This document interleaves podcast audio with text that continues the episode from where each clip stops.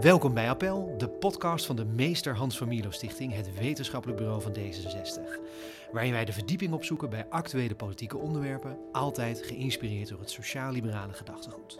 Politieke partijen maken steeds vaker gebruik van microtargeting. Dit betekent dat ze persoonlijke data van burgers gebruiken en hiermee een specifieke groep mensen proberen te bereiken en te beïnvloeden. Voor deze groepen creëren ze op maat gemaakte boodschappen. Vandaag gaan we het hebben over het gebruik van microtargeting in Nederland en de gevolgen daarvan op individuen en de maatschappij als geheel. In hoeverre beïnvloedt politieke microtargeting onze politieke voorkeuren en breder beschouwd, wat betekent politieke microtargeting voor onze autonomie? Hierover gaan we in gesprek met onze gasten Tom Dobber en Fleur Jongepier. Tom Dobber is postdoctoraal onderzoeker politieke communicatie en journalistiek aan de Universiteit van Amsterdam. Hij heeft onder meer onderzoek gedaan naar het effect van politieke microtargeting op politieke attitudes, attitudes en de regulering van politieke microtargeting. Welkom Tom. Dankjewel. Heel goed. En Fleur Jongepier is universitair docent digitale ethiek aan de Radboud Universiteit in Nijmegen. En zij is gespecialiseerd in de effecten van technologische ontwikkelingen op onder andere de zelfkennis en autonomie van mensen. Welkom Fleur Jongepier. Dankjewel. Goed dat je er bent. Hey, aan het politieke microtargeting. Het eerste wat bij de meeste mensen opkomt als we daaraan denken, is die verkiezingen die we een tijd geleden gehad hadden toen Trump aan de macht is gekomen en iets later ook. Dan denken we aan dat bedrijf Cambridge Analytica. Um, dat was een groot schandaal. Het lekte uit wat het bedrijf precies gedaan had. Die hadden profielen bijgehouden van Facebook mensen, Facebook gebruikers. Um, ze speelden onder andere een hele grote rol in die campagne rondom Trump. Wat ze zouden hebben gedaan is, ze hebben ongeoorloofd toegang gehad tot de gegevens van allerlei Facebook-gebruikers.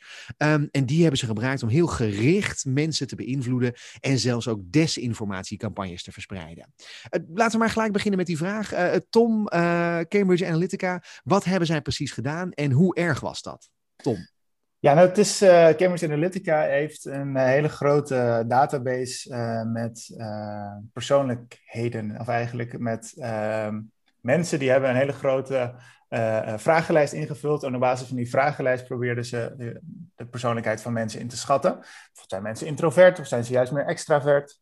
Uh, nou ja, goed, dat soort, uh, dat soort persoonlijkheidseigenschappen. Uh, en omdat het waren ongeveer 250.000 mensen die dat hadden gedaan. Maar niet alleen die vragenlijst, maar ze waren ook bereid om hun Facebook-profiel, al hun likes en al hun vrienden en dergelijke, om dat ook prijs te geven aan dat, dat bedrijf. En op basis daarvan konden ze dus zien van, hey, mensen die Game of Thrones hebben geliked, die zijn eigenlijk veel vaker introvert ook. Dus, dus dan kun je uh, concluderen, mensen die op grote schaal uh, Game of Thrones hebben geliked, zijn eerder geneigd, zijn waarschijnlijk ja, introverter. nou goed, dat waren die 250.000 mensen die daar daadwerkelijk toestemming voor hebben gegeven. Dat is eigenlijk allemaal prima. Maar toen hebben ze vervolgens de schaal ietsjes vergroot. En toen hebben ze van ongeveer 80 miljoen mensen hebben ze die Facebook-profielen gepakt. En hebben ze voor al die mensen geclassificeerd van, oh, zij zijn waarschijnlijk meer introvert, zij zijn waarschijnlijk meer extrovert en dergelijke. En dat is wat ze hebben gedaan. Zeggen dat ze dat hebben gedaan in ieder geval. En vervolgens zijn ze naar de Trump-campagne gegaan en hebben ze gezegd, uh, wij kunnen mensen uh, ja, op basis van hun persoonlijkheid een advertentie sturen. Dus je kunt natuurlijk, wij, wij kunnen erachter komen of mensen meer, of mensen voorstander zijn van wapenbezit. En dan kun je ze een advertentie sturen van, hey, wapenbezit is super belangrijk. Maar een introvert, die zal eerder reageren op, wapenbezit is belangrijk, want dan kun je je gezin beschermen. Die reageren meer op dreigingen. En een extravert, die reageert beter op wapenbezit is belangrijk, want dan kun je lekker jagen met je, met je vrienden. Uh, en dergelijke, hè, grof gezegd. En dat is wat, wat, wat Cambridge Analytica uh, uh, heeft gedaan. Um, in ieder geval wat ze zeggen te hebben gedaan. Ze hebben in ieder geval wel die data op die manier gestolen. Ehm, maar of ze daadwerkelijk vervolgens ook die volgende stap hebben ge gezet. En inderdaad mensen die op persoonlijkheid gebaseerde boodschap hebben gestuurd, is eigenlijk nog maar de vraag. En dat komt okay. omdat die, die campagne heel erg in de in schaduw is, is, is gehuld. En we weten nog niet zo goed of ze dat daadwerkelijk hebben gedaan. En als ze dat al hebben gedaan, op welke schaal? Want er zijn heel veel verschillende uh, uh, verhalen die daar de ronde over doen. Oké, dus het is wel interessant om uit te pluizen. Hè? Want als je in eerste instantie denken we nu van, oh, dat is heel erg wat daar gebeurd is. En er is heel veel ernstigs gebeurd. Als in, ze hebben ook data verkocht en ze hebben ongeoorloofd toegang gekregen tot data. Maar jij zegt dus van, ja, dat is nog maar de vraag in hoeverre dat echt specifiek gebeurd is. Maar, maar, los daarvan, hè, de, de abstractere vraag daaronder ligt eigenlijk. Mag je kennis van iemands persoonlijkheid Ehm, wat dan best ver gaat, blijkbaar. Mag je dat gebruiken om daar een politieke advertentie op te richten? Uh, Fleur, is dat ethisch of niet? is het ethisch? Iets wat ja. geladen vraag misschien, maar ja. Nou ja, nee, ik uh, het, bedoel, wat interessant is volgens mij aan het, aan het voorbeeld. Dus Tom zei al van ja, uh, in, in, misschien van, van een x aantal duizend mensen dat soort gegevens verzamelen, dat is misschien oké, maar van 80 miljoen, dat is niet oké. Uh, maar dus het is denk ik ook wel goed om te kijken wat gaat hier allemaal mis. Uh, en ik denk dat als je zonder consent of zonder uh, adequate consent dat soort data verzamelt, dat dat op zichzelf al problematisch is. Nog even los van wat je ermee doet en of je daar mensen mee wilt manipuleren, ja of nee.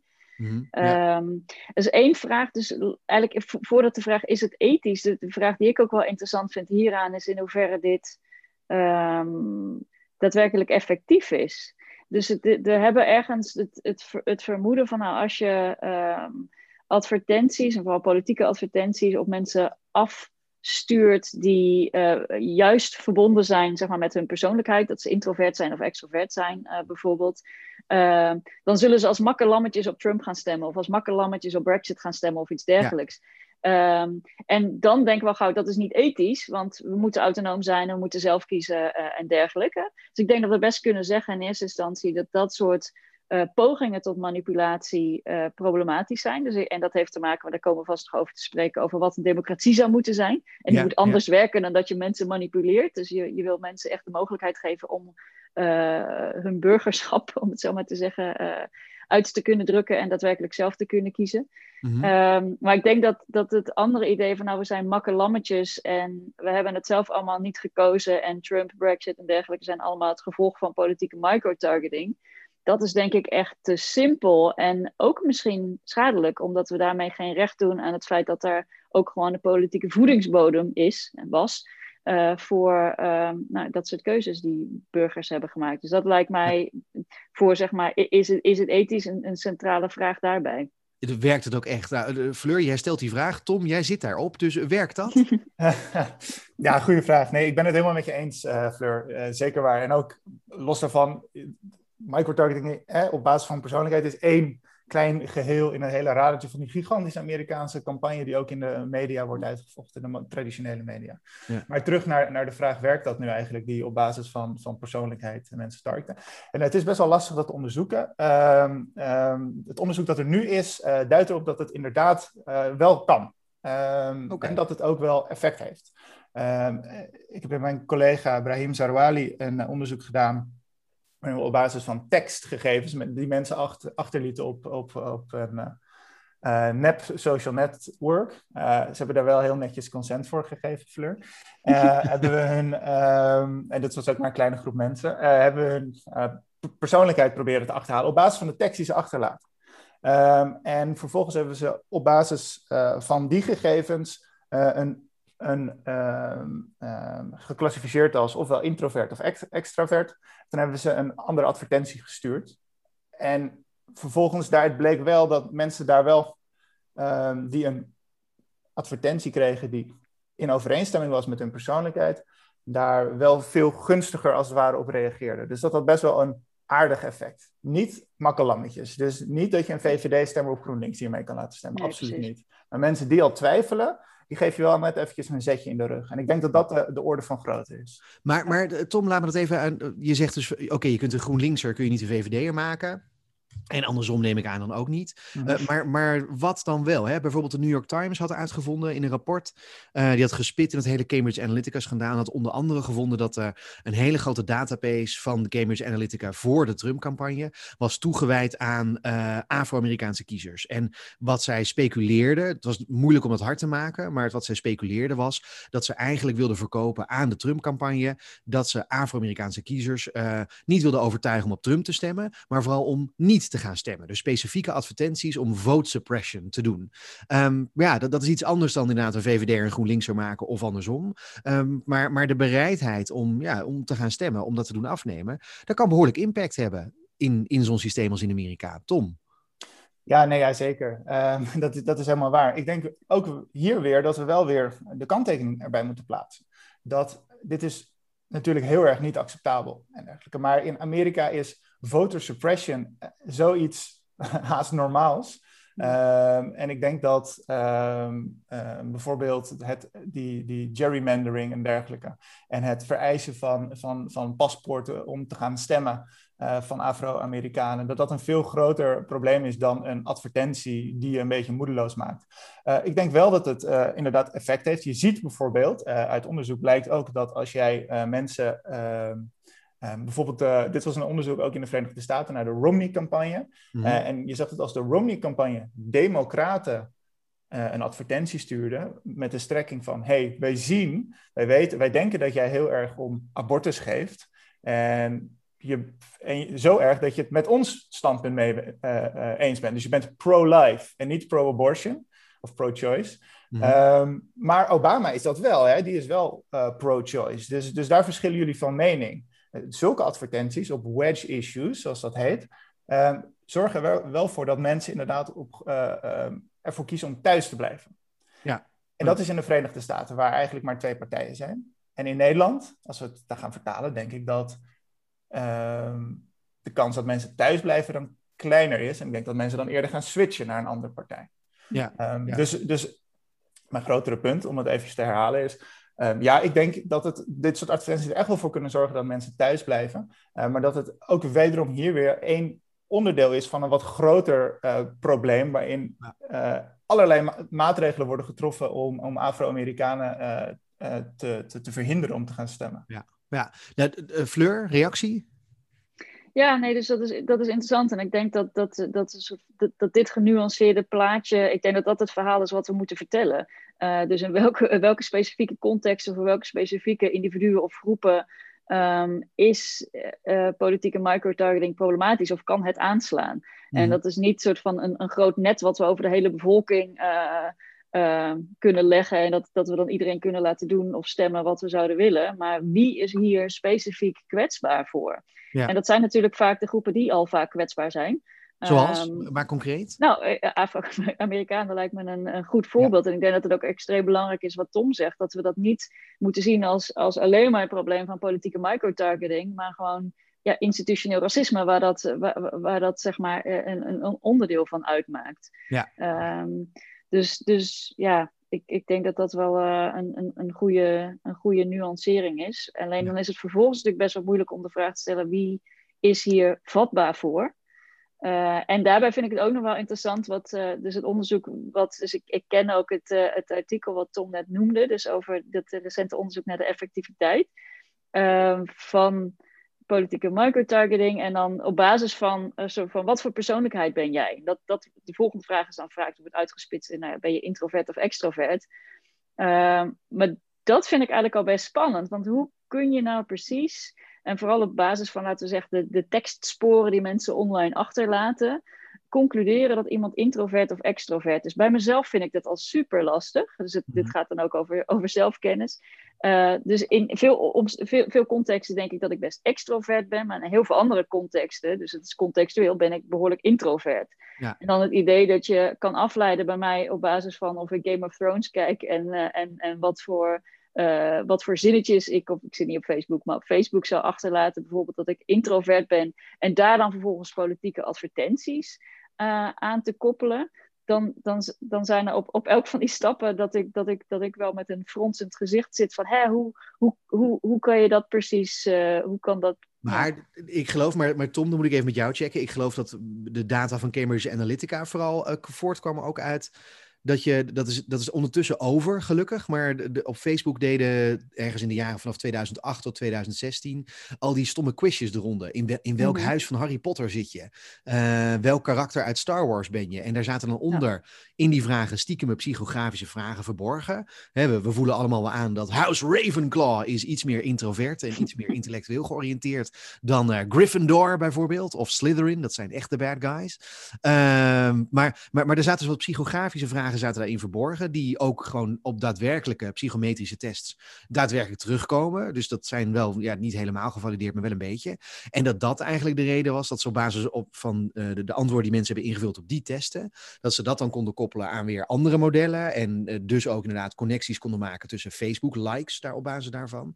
En dat ze dat dan weer gebruikt hebben. Maar, maar Tom, dat, dat moet ik met jou checken, want dit heb ik ook maar gewoon van uh, de krant. Ja, dat, dat klopt. En ook daaruit blijkt, blijft natuurlijk Fleurs punt een volledig terecht dat een, een, iemands persoonlijkheid is zo complex en zo verschillend in verschillende contexten, dat je dat niet helemaal zo kunt platslaan op basis van die persoonlijkheids. Quizjes, maar dat hebben ze wel gedaan. Maar wat, wat, wat, belangrijk is hier om, om in je achterhoofd te houden, is dat het niet uh, gaat om de echte individu, maar dat het voor zo'n campagne gaat om op een hele grote schaal een boodschap net eventjes effectiever te maken. Mhm. Dan een niet op persoonlijkheid uh, gerichte boodschap. En daarom is ook in, in, mijn studie en die van Bremen is ook. Um, um, uh, is, uh, vinden wij dat het, dat het effectief is. Niet omdat iedereen meteen denkt van, oh, deze advertentie is veel beter en inderdaad, ik ben veel meer geneigd om op die partij te stemmen.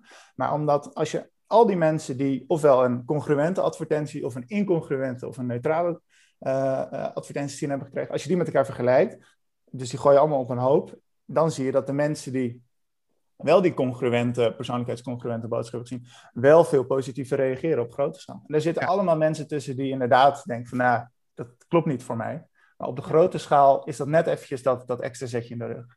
Ja, precies. Dat is interessant dat je het zegt. Want dat, dat betekent dus ook dat je. Uh, we zijn misschien geneigd om heel erg te denken aan individuele effecten. Dus het moet herleidbaar zijn tot één specifiek individu.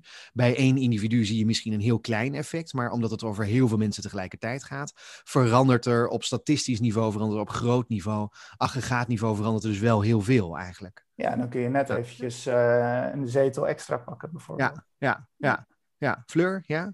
Ja, nee, dat is interessant, want ik denk dat we ons al snel, en dat zeg ik als iemand die zich met autonomie bezighoudt, al snel blind staren op autonomie. En als je kijkt naar, naar het niveau van de individuele keuzes van mensen, uh, kan het best wel zijn dat je ja, niet heel erg onder de indruk bent van wat het effect daar nou van is. Ja, uh, dus ten eerste, de, de GroenLinks stemmen ga je, ga, je, ga je niet op VVD laten stemmen. Mij ga je geen, uh, ook met de, met de beste advertenties op basis van wat ik op Netflix kijk, niet aan de stiletto hakken krijgen.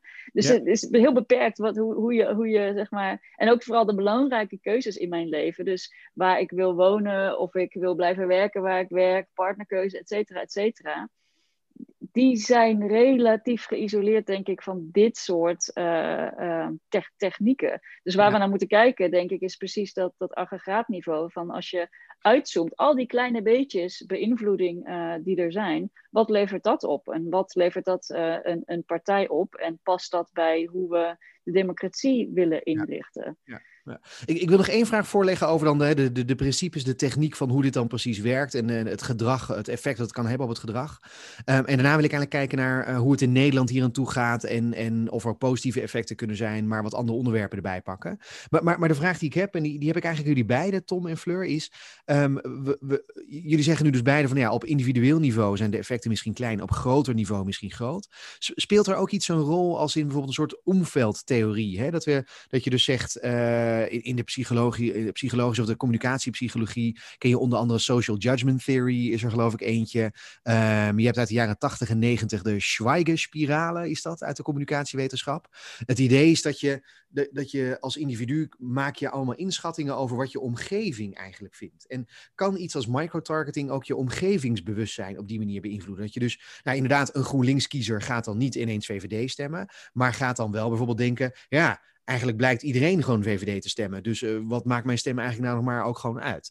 dat zijn dus weer op aggregaatniveau zijn dat effecten, maar moeilijker in individuele onderzoeken te, te meten ook. Want heel erg gaat over onbewuste subjectieve percepties van de omgeving. Uh, Tom, am I making sense, Tom? Yes, you are making sense, ja. Okay, um, nou, op twee manieren eigenlijk. Het, we hebben dit nog nooit vastgesteld, maar dit is ook nogmaals heel lastig te onderzoeken, omdat het, heb je een hele lange, lange, lang onderzoek nodig. Dan moet je mensen heel lang volgen. Ja. Uh, op twee manieren komt eigenlijk um, maken we ons daar zorgen over. Je hebt de agenda setting theory. En dat houdt in eigenlijk dat, uh, zeker in, voor de komst van social media, als je dan naar, naar buiten ging en je vroeg aan tien mensen van, nou, wat zijn eigenlijk de belangrijkste onderwerpen voor ons land? Wat, wat zijn nou de belangrijkste maatschappelijke problemen? De drie maatschappelijk belangrijkste problemen. Dan zullen ze alle drie ongeveer hetzelfde zeggen. Misschien niet in dezelfde volgorde, maar dan noemen ze ze eigenlijk wel alle drie. En dat zijn namelijk de drie onderwerpen die uh, veel en, en, en, en, en vaak uh, op het journaal worden besproken. En in de krant staan en dergelijke. Als je mensen gaat targeten op basis van issues, en dan ga je het op basis, ga je het persoonlijk maken, dus op basis van persoonlijke advertenties. Dan kan het voor een, um, uh, een verpleegkundige die een huis wil kopen, kan het een heel ander, uh, ander onderwerp zijn dan voor een gepensioneerde uh, die zich zorgen maakt om zijn nalatenschap of iets dergelijks. Hè, dus als je dan vervolgens al die advertenties ziet en, en je dit samentrekt met de ontwikkeling dat mensen toch net eventjes ietsjes meer hun nieuws online via wat, wat andere nieuwsbronnen gaan halen, ehm, dan is er verwachting dat die gedeelde agenda die we eigenlijk hebben, dat die steeds meer fragmenteert. En dat mensen steeds meer denken van, nee, maar ho, het belangrijkste onder, uh, onderwerp hier is pensioenen. Terwijl, terwijl de verpleegkundige zegt, helemaal niet, het is zorg, enzovoort. Ja. Uh, dus dat je een beetje naast elkaar uh, heen gaat leven. Een tweede waar ik, ding waar ik aan moest denken toen je dit vertelde, is dat um, microtargeting wordt heel vaak als iets heel manipulatiefs gepresenteerd.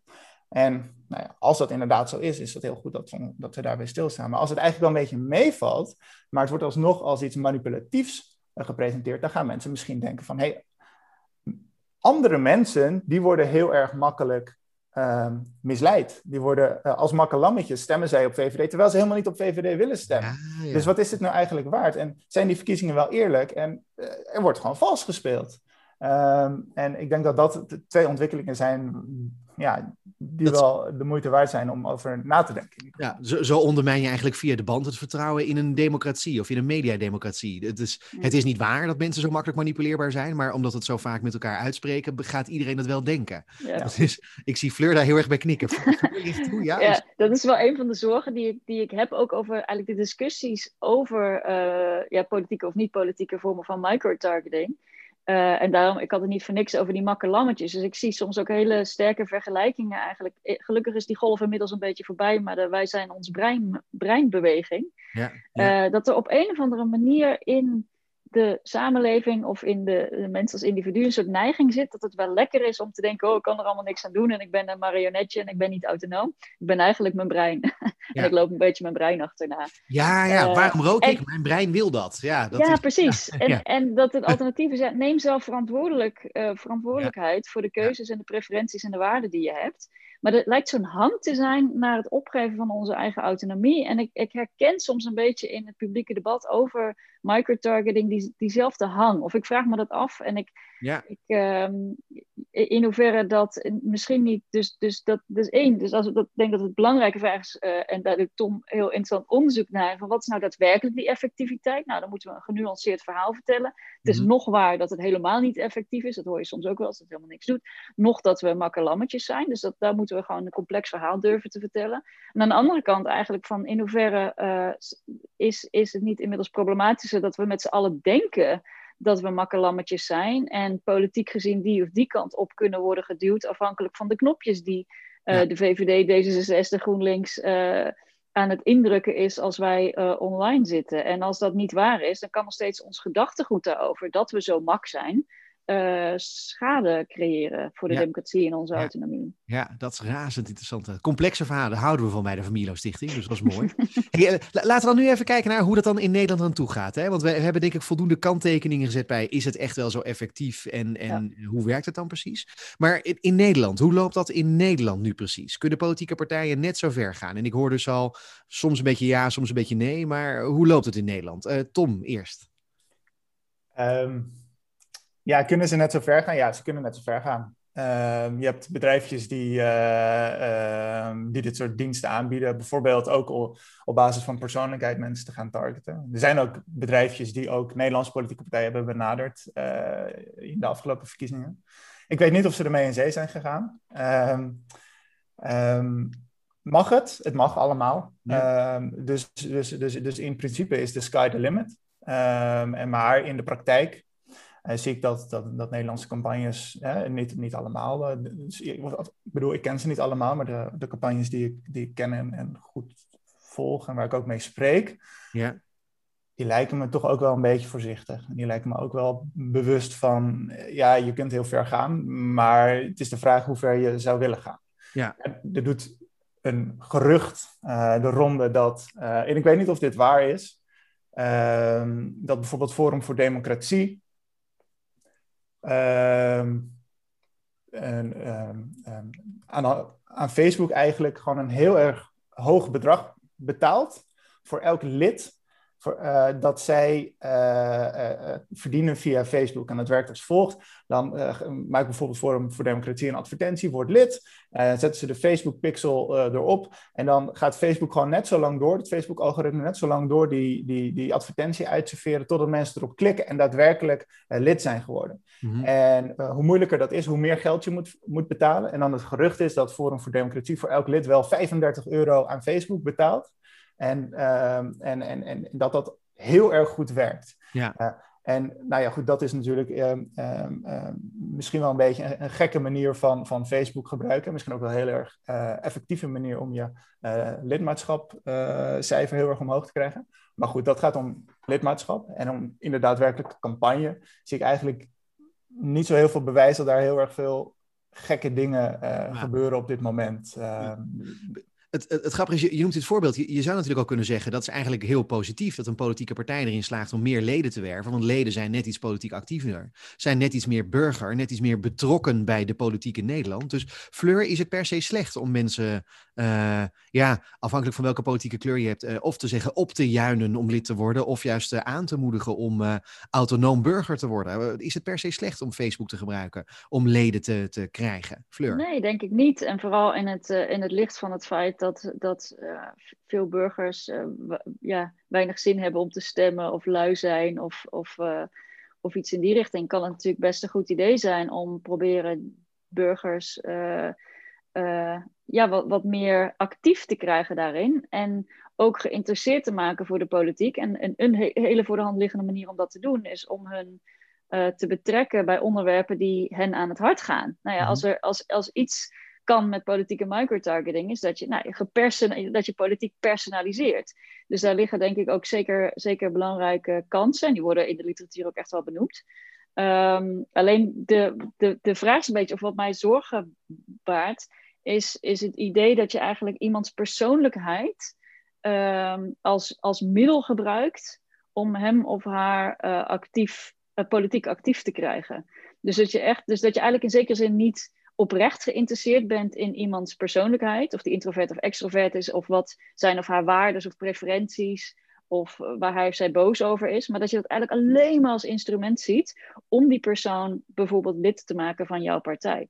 En dat je ze dan, uh, dat gaat ook terug op wat, wat Tom eerder zei, dat je dan verschillende mensen, afhankelijk van de data die ze, die ze jou geven, uh, uh, verschillende dingen gaat voorschotelen. En een partij wordt daar een soort chameleon van. Dus je weet ook eigenlijk niet meer waar een partij voor staat, omdat ze er anders uitzien afhankelijk wie ze voor zich hebben. Dus oké, jij, jij vindt klimaatverandering belangrijk, nou dan, gaan we, dan geven we je die advertenties. Of oh, jij, jij bent voor of tegen immigratie, dan geven we je die advertenties. Ja. En, ja. en dat is, dan, dan, dan, dan krijg je eigenlijk een totale omwenteling van waar het politieke systeem voor is. omdat het zich gewoon aanpast aan wat de burger wil. Nou, ergens is dat wat je wil. maar dus dat, dat is aan de ene kant, ik zie heel duidelijk de positieve krachten, mogelijkheden van politieke microtargeting, maar ook dat de mate waarin het geïnstrumentaliseerd wordt om iemand actief te krijgen, dat baart mij wel echt zorgen. Ja, ja. ik hoor bijna een soort Kantiaanse kritiek. Op het moment dat een politieke campagne een burger alleen maar als instrument ziet en daar alleen maar instrumentalistisch mee redeneert, dan is het niet meer oprecht eigenlijk. Nee, ja, dus de, de, de, inderdaad, Kantianen hebben daar veel over geschreven. Maar gelukkig is het idee dat je iemand enkel als middel, dat je iemand objectificeert, uh, is, is niet alleen een idee dat, uh, waar, waar, waar Kantianen mee, uh, ja. ja. meewerken, zeg maar. Kant in de 21ste eeuw. Ik moest het toch even zeggen gewoon. Ik, ik wou hem even de 21ste eeuw. Heel goed. Name dropping, altijd goed. ja, altijd prima inderdaad. Het is, het is, ook, het is ook lastig vervolgens voor, voor de gekozenen. Hè? Want die, dan is zo'n partij gekozen. En dan hebben, ze, hebben, ze, hebben ze honderd verschillende dingen beloofd. Kijk, als, jij, als jij een advertentie uh, na het NOS-journaal plaatst... Uh, we gaan alle kolencentrales uh, sluiten, en stem op ons. En je krijgt dan heel veel stemmen. Nou, dan is het wel duidelijk wat je mandaat is. Maar als jij honderd verschillende dingen hebt beloofd, wordt het een beetje lastig om te interpreteren van ja, wat, ja. wat, wat, moet ik nou eigenlijk doen? Ja, ja en, en wat, oh, sorry. Nee, wat, wat daar, daarbij ook interessant is, dat het heel erg op het snijvlak ligt van is dit, vertelt het nog als liegen of als deceptie? Dus uh, filosofen vinden dat heel fijn. Dan heb je een harde lijn. En dan als je ligt, nou dat mag niet volgens een hoop mhm. filosofen en deceptie slecht, dan weten we allemaal. Maar hier hebben we eigenlijk te maken met een heel grijs gebied. Die eigenlijk ook ons opnieuw confronteert met de vraag: oké, hoe, hoe verhoudt zo'n politieke partij die gewoon echt verschillende boodschappen geeft aan verschillende mensen, afhankelijk van wat voor data zij, uh, of wat voor sporen zij achterlaten. Ehm, dat ze in zekere zin niet liegen, dat ze bijvoorbeeld. Ehm, iets met klimaatverandering gaan doen, maar ze spreken ook niet echt de waarheid. Omdat je gewoon niet weet waar ze voor staan. Uh, dus dat ja, vind ik ook wel boeiend. En dat, raakt dan ook een beetje aan het idee van fake news. En, en daar kijk ik ook even naar Tom. Uh, ik sprak een tijd geleden met een onderzoeker die zei, die heeft fake news onderzocht. En die zei, nou ja, fake news komt eigenlijk niet zoveel voor. Maar dat komt eigenlijk vanwege de definitie. Want ik definieer fake news als gewoon een keiharde leugen in de kop of in je tekst. Ja, dat gebeurt dus eigenlijk niet. Zelfs de Trump-campagne, waarvan eigenlijk iedereen in Europa denkt, nou, die heeft keihard gelogen. Uh, dat doen ze niet. Op die manier bestaat fake news niet. Maar er zit dus een heel grijs gebied tussen waarheid en leugen. En is het heel moeilijk om aan te geven, wat is het dan precies? Tom, hoe zit dat? Nou, fake news is inderdaad een hele lastige term, omdat het een containerbegrip is waar, waar iedereen eigenlijk iets anders onder verstaat. Ja. En het is ook een, ook een middel dat gebruikt wordt om, om de journalistiek uh, eigenlijk een beetje te, te delegitimiseren. Te delegitimeren? Ja. Nou ja, een van beide in ieder geval. Um, en uh, dus ja, fake news, ja, een belangrijk onderdeel van fake news en eigenlijk wat specifieker, wat we liever gebruiken, is desinformatie en misinformatie.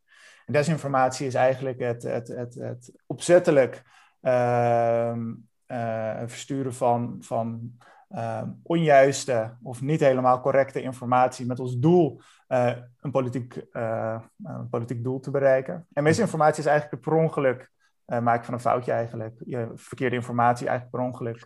ja, ja, ja. Ja, dus dat heeft dan te maken met intentie eigenlijk inderdaad, ja. Ja, ja intentie is, is, is daarin heel belangrijk. En ja, ik, ik zou wel zeggen dat komt wel voor in Nederland. Ja, ja welke voorbeelden heb je? Ik bedoel, ja, ik kan het wel raden misschien, maar welke voorbeelden heb je?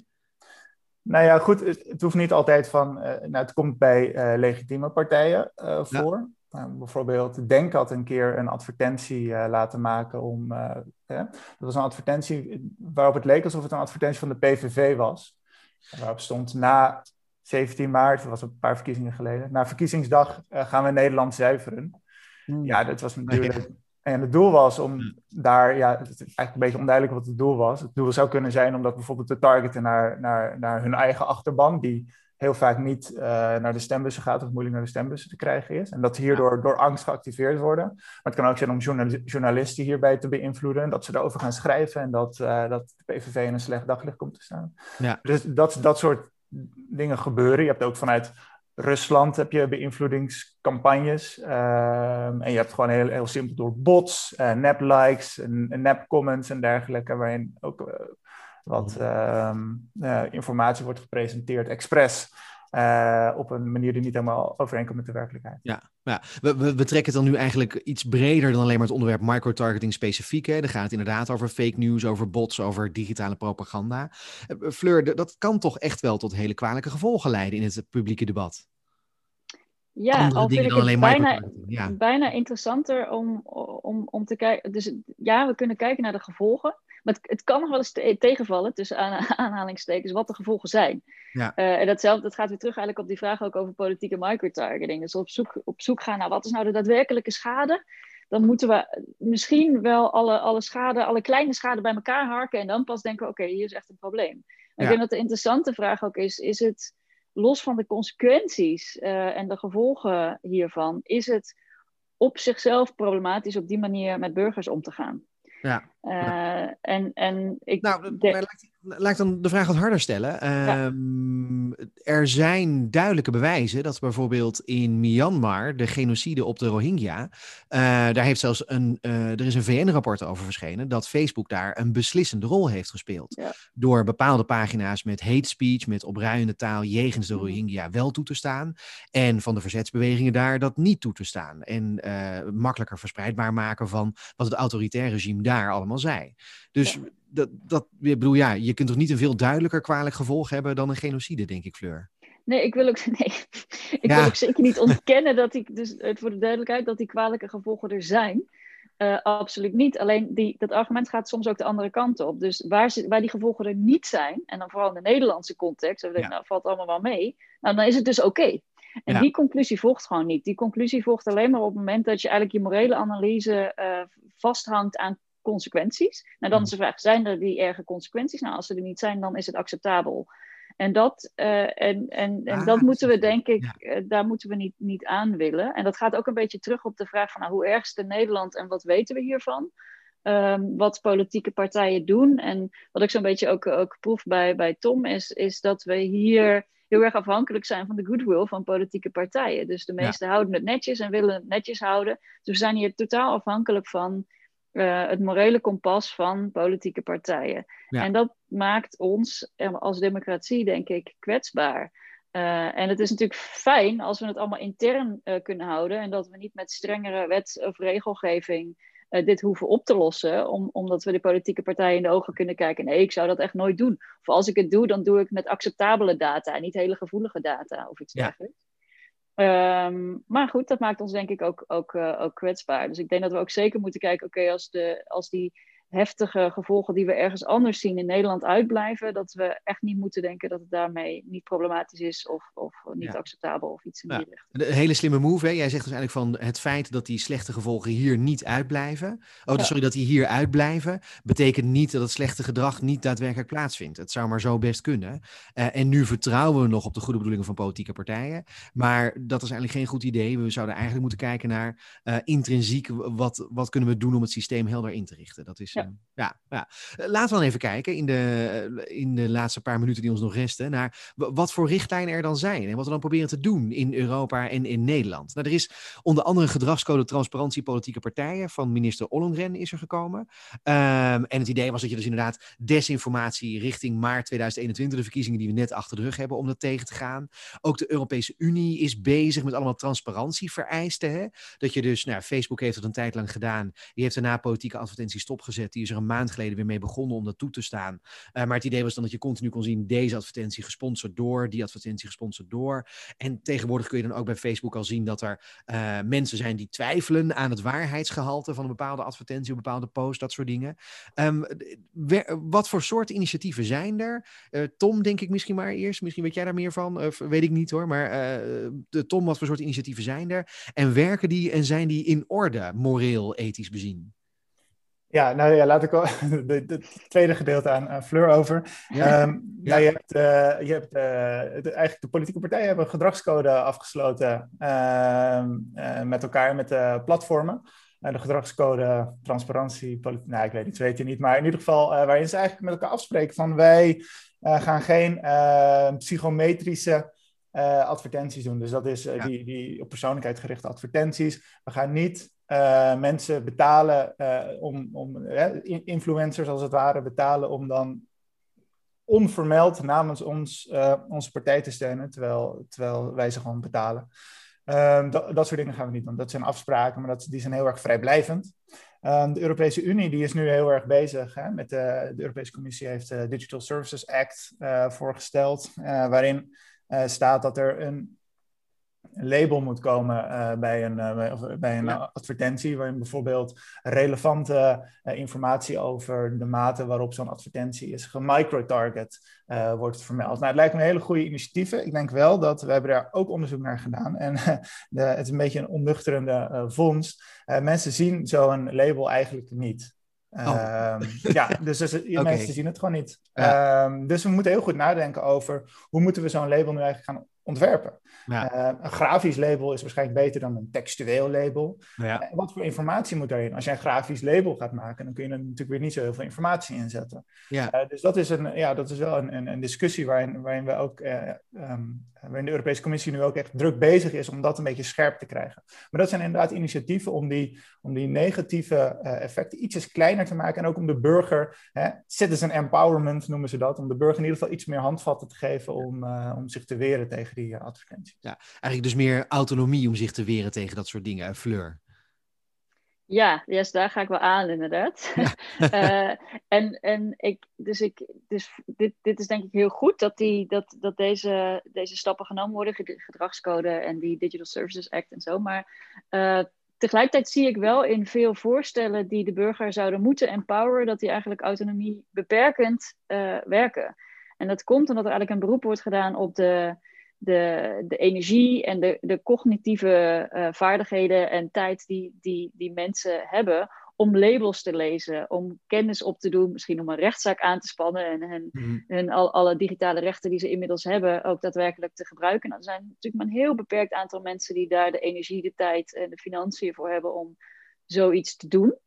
Uh, en dat betekent ook dat, ja, ik weet niet hoe het met jullie zit, maar als ik op het internet zit, heb ik heel weinig zin om al die cookies te lezen en, en al die plaatjes goed te bekijken nou. en me te, te educaten over hoe het allemaal zit. Um, dus je ziet wel echt een, een, een beweging naar, nou, we moeten de burger beter wapenen tegen big tech en eventueel ook de, de uh, micro-targeting politieke partijen. En dat snap ik. Uh, en ik denk ook dat het nodig is, maar het is aan de andere kant wel, denk ik, goed om te blijven benadrukken dat dat tragisch is. Dit is niet het ideaal. Het ideaal is niet dat je zeg maar, alle wapens bij de burger moet neerleggen om zich te wapenen tegen um, ja, al, die, al die bedreigingen of, of nou hoe je het ook wilt noemen. Ja. Ja. Um, dus dat, en dat kan dus ook betekenen dat je dus um, ja, dingen niet kunt doen of dat je juist kwetsbaarder wordt omdat de bal bij de burger ligt. Uh, dus daar zou, je, zou ik in ieder geval ook, ook zeker willen blijven kijken naar het alternatief, namelijk om bepaalde uh, manieren van digitale omgang met uh, internetgebruikers. Um, ja, een ban op microtargeting bijvoorbeeld, dat wordt soms ook genoemd. Um, dus dat, dat, dat we dat gewoon niet doen, dat het verboden is. Nou goed, dat is weer een hele andere discussie, maar ja, ja. dat is denk ik ook wel een keuze die, die op tafel ligt.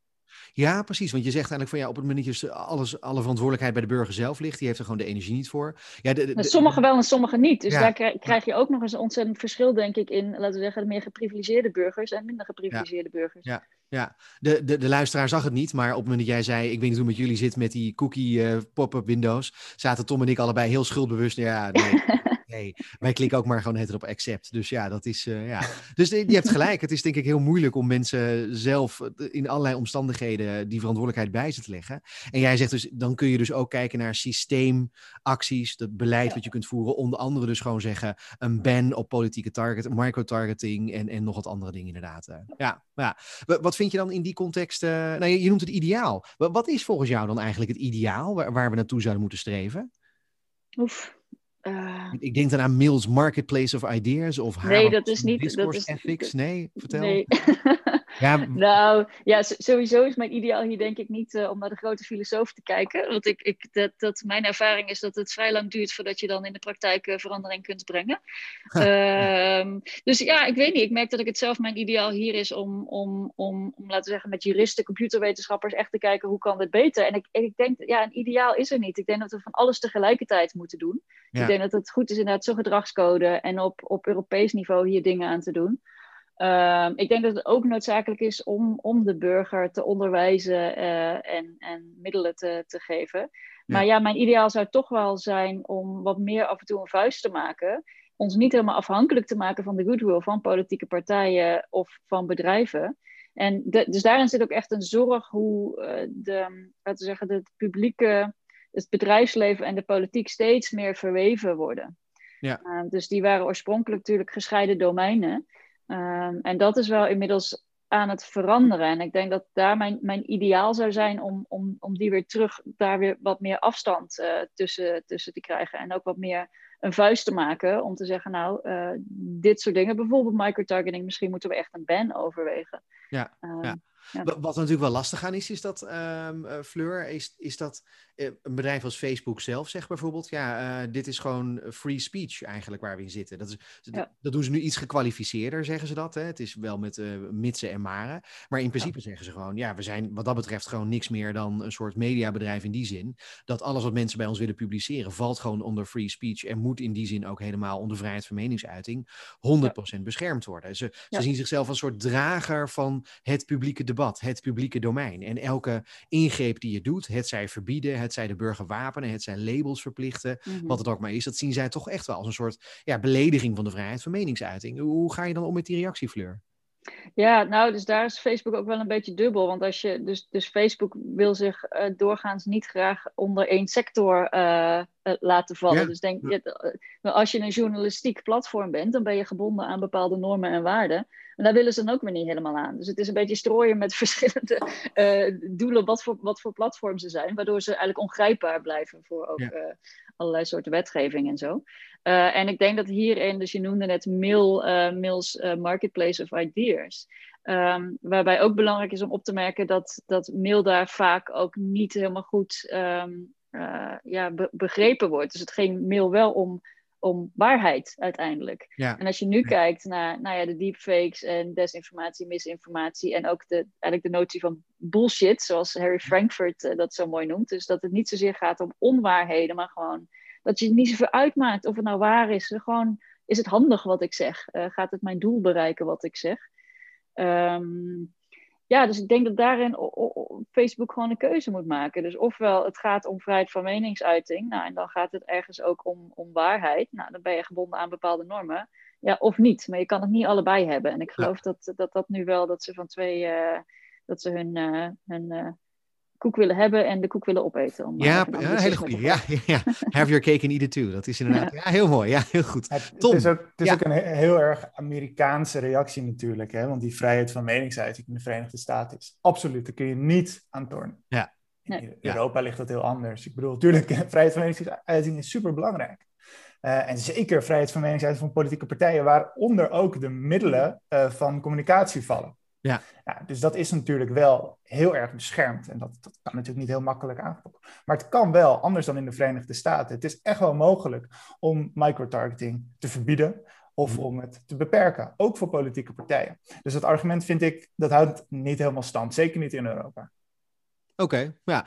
Wat is nou voor jou verder het ideaal van uh, hoe we de wereld zouden moeten inrichten als het gaat om problemen zoals microtargeting en fake news en bullshit en al die andere termen die nou rondvliegen? Ik bedoel, we hadden laatst die video hè, van die assistent van Navalny. Die, dat was een vervalste video. Uh, onze Kamerleden hebben gewoon een uur lang een vergadering gehad met een deepfake uh, profiel. Dat, dat, dat is toch bizar? Nou, gesminkt bleek het, toch? Ja, dat bleek ook Oh, was weer... het toch niet deepfake? Oh, dat was... Okay. Daar wil ik ook nog wel wat over zeggen. Ja, oké. Okay, ja, ja, als we nu dan toch nu is twee keer het, het D-woord gevallen. Ja. Um, Being deepfake, hè? Dat is, ja. Exact. Ja. Nou ja, goed. ik, ik vraag me toch eventjes af. Dus, deepfakes zijn super eng natuurlijk. Maar um, ik denk ook hier weer dat we misschien het, het probleem ook wel een beetje overschatten. Want tot, uh, op dit moment um, zijn er eigenlijk nul, want die, die, die deepfake van Navalny's stafchef uh, bleek dus gewoon acteur te zijn. Ja. Um, er zijn nul poli serieuze politieke deepfakes uh, geweest. Het, uh, twee, um, het kost superveel tijd en moeite om een deepfake te maken.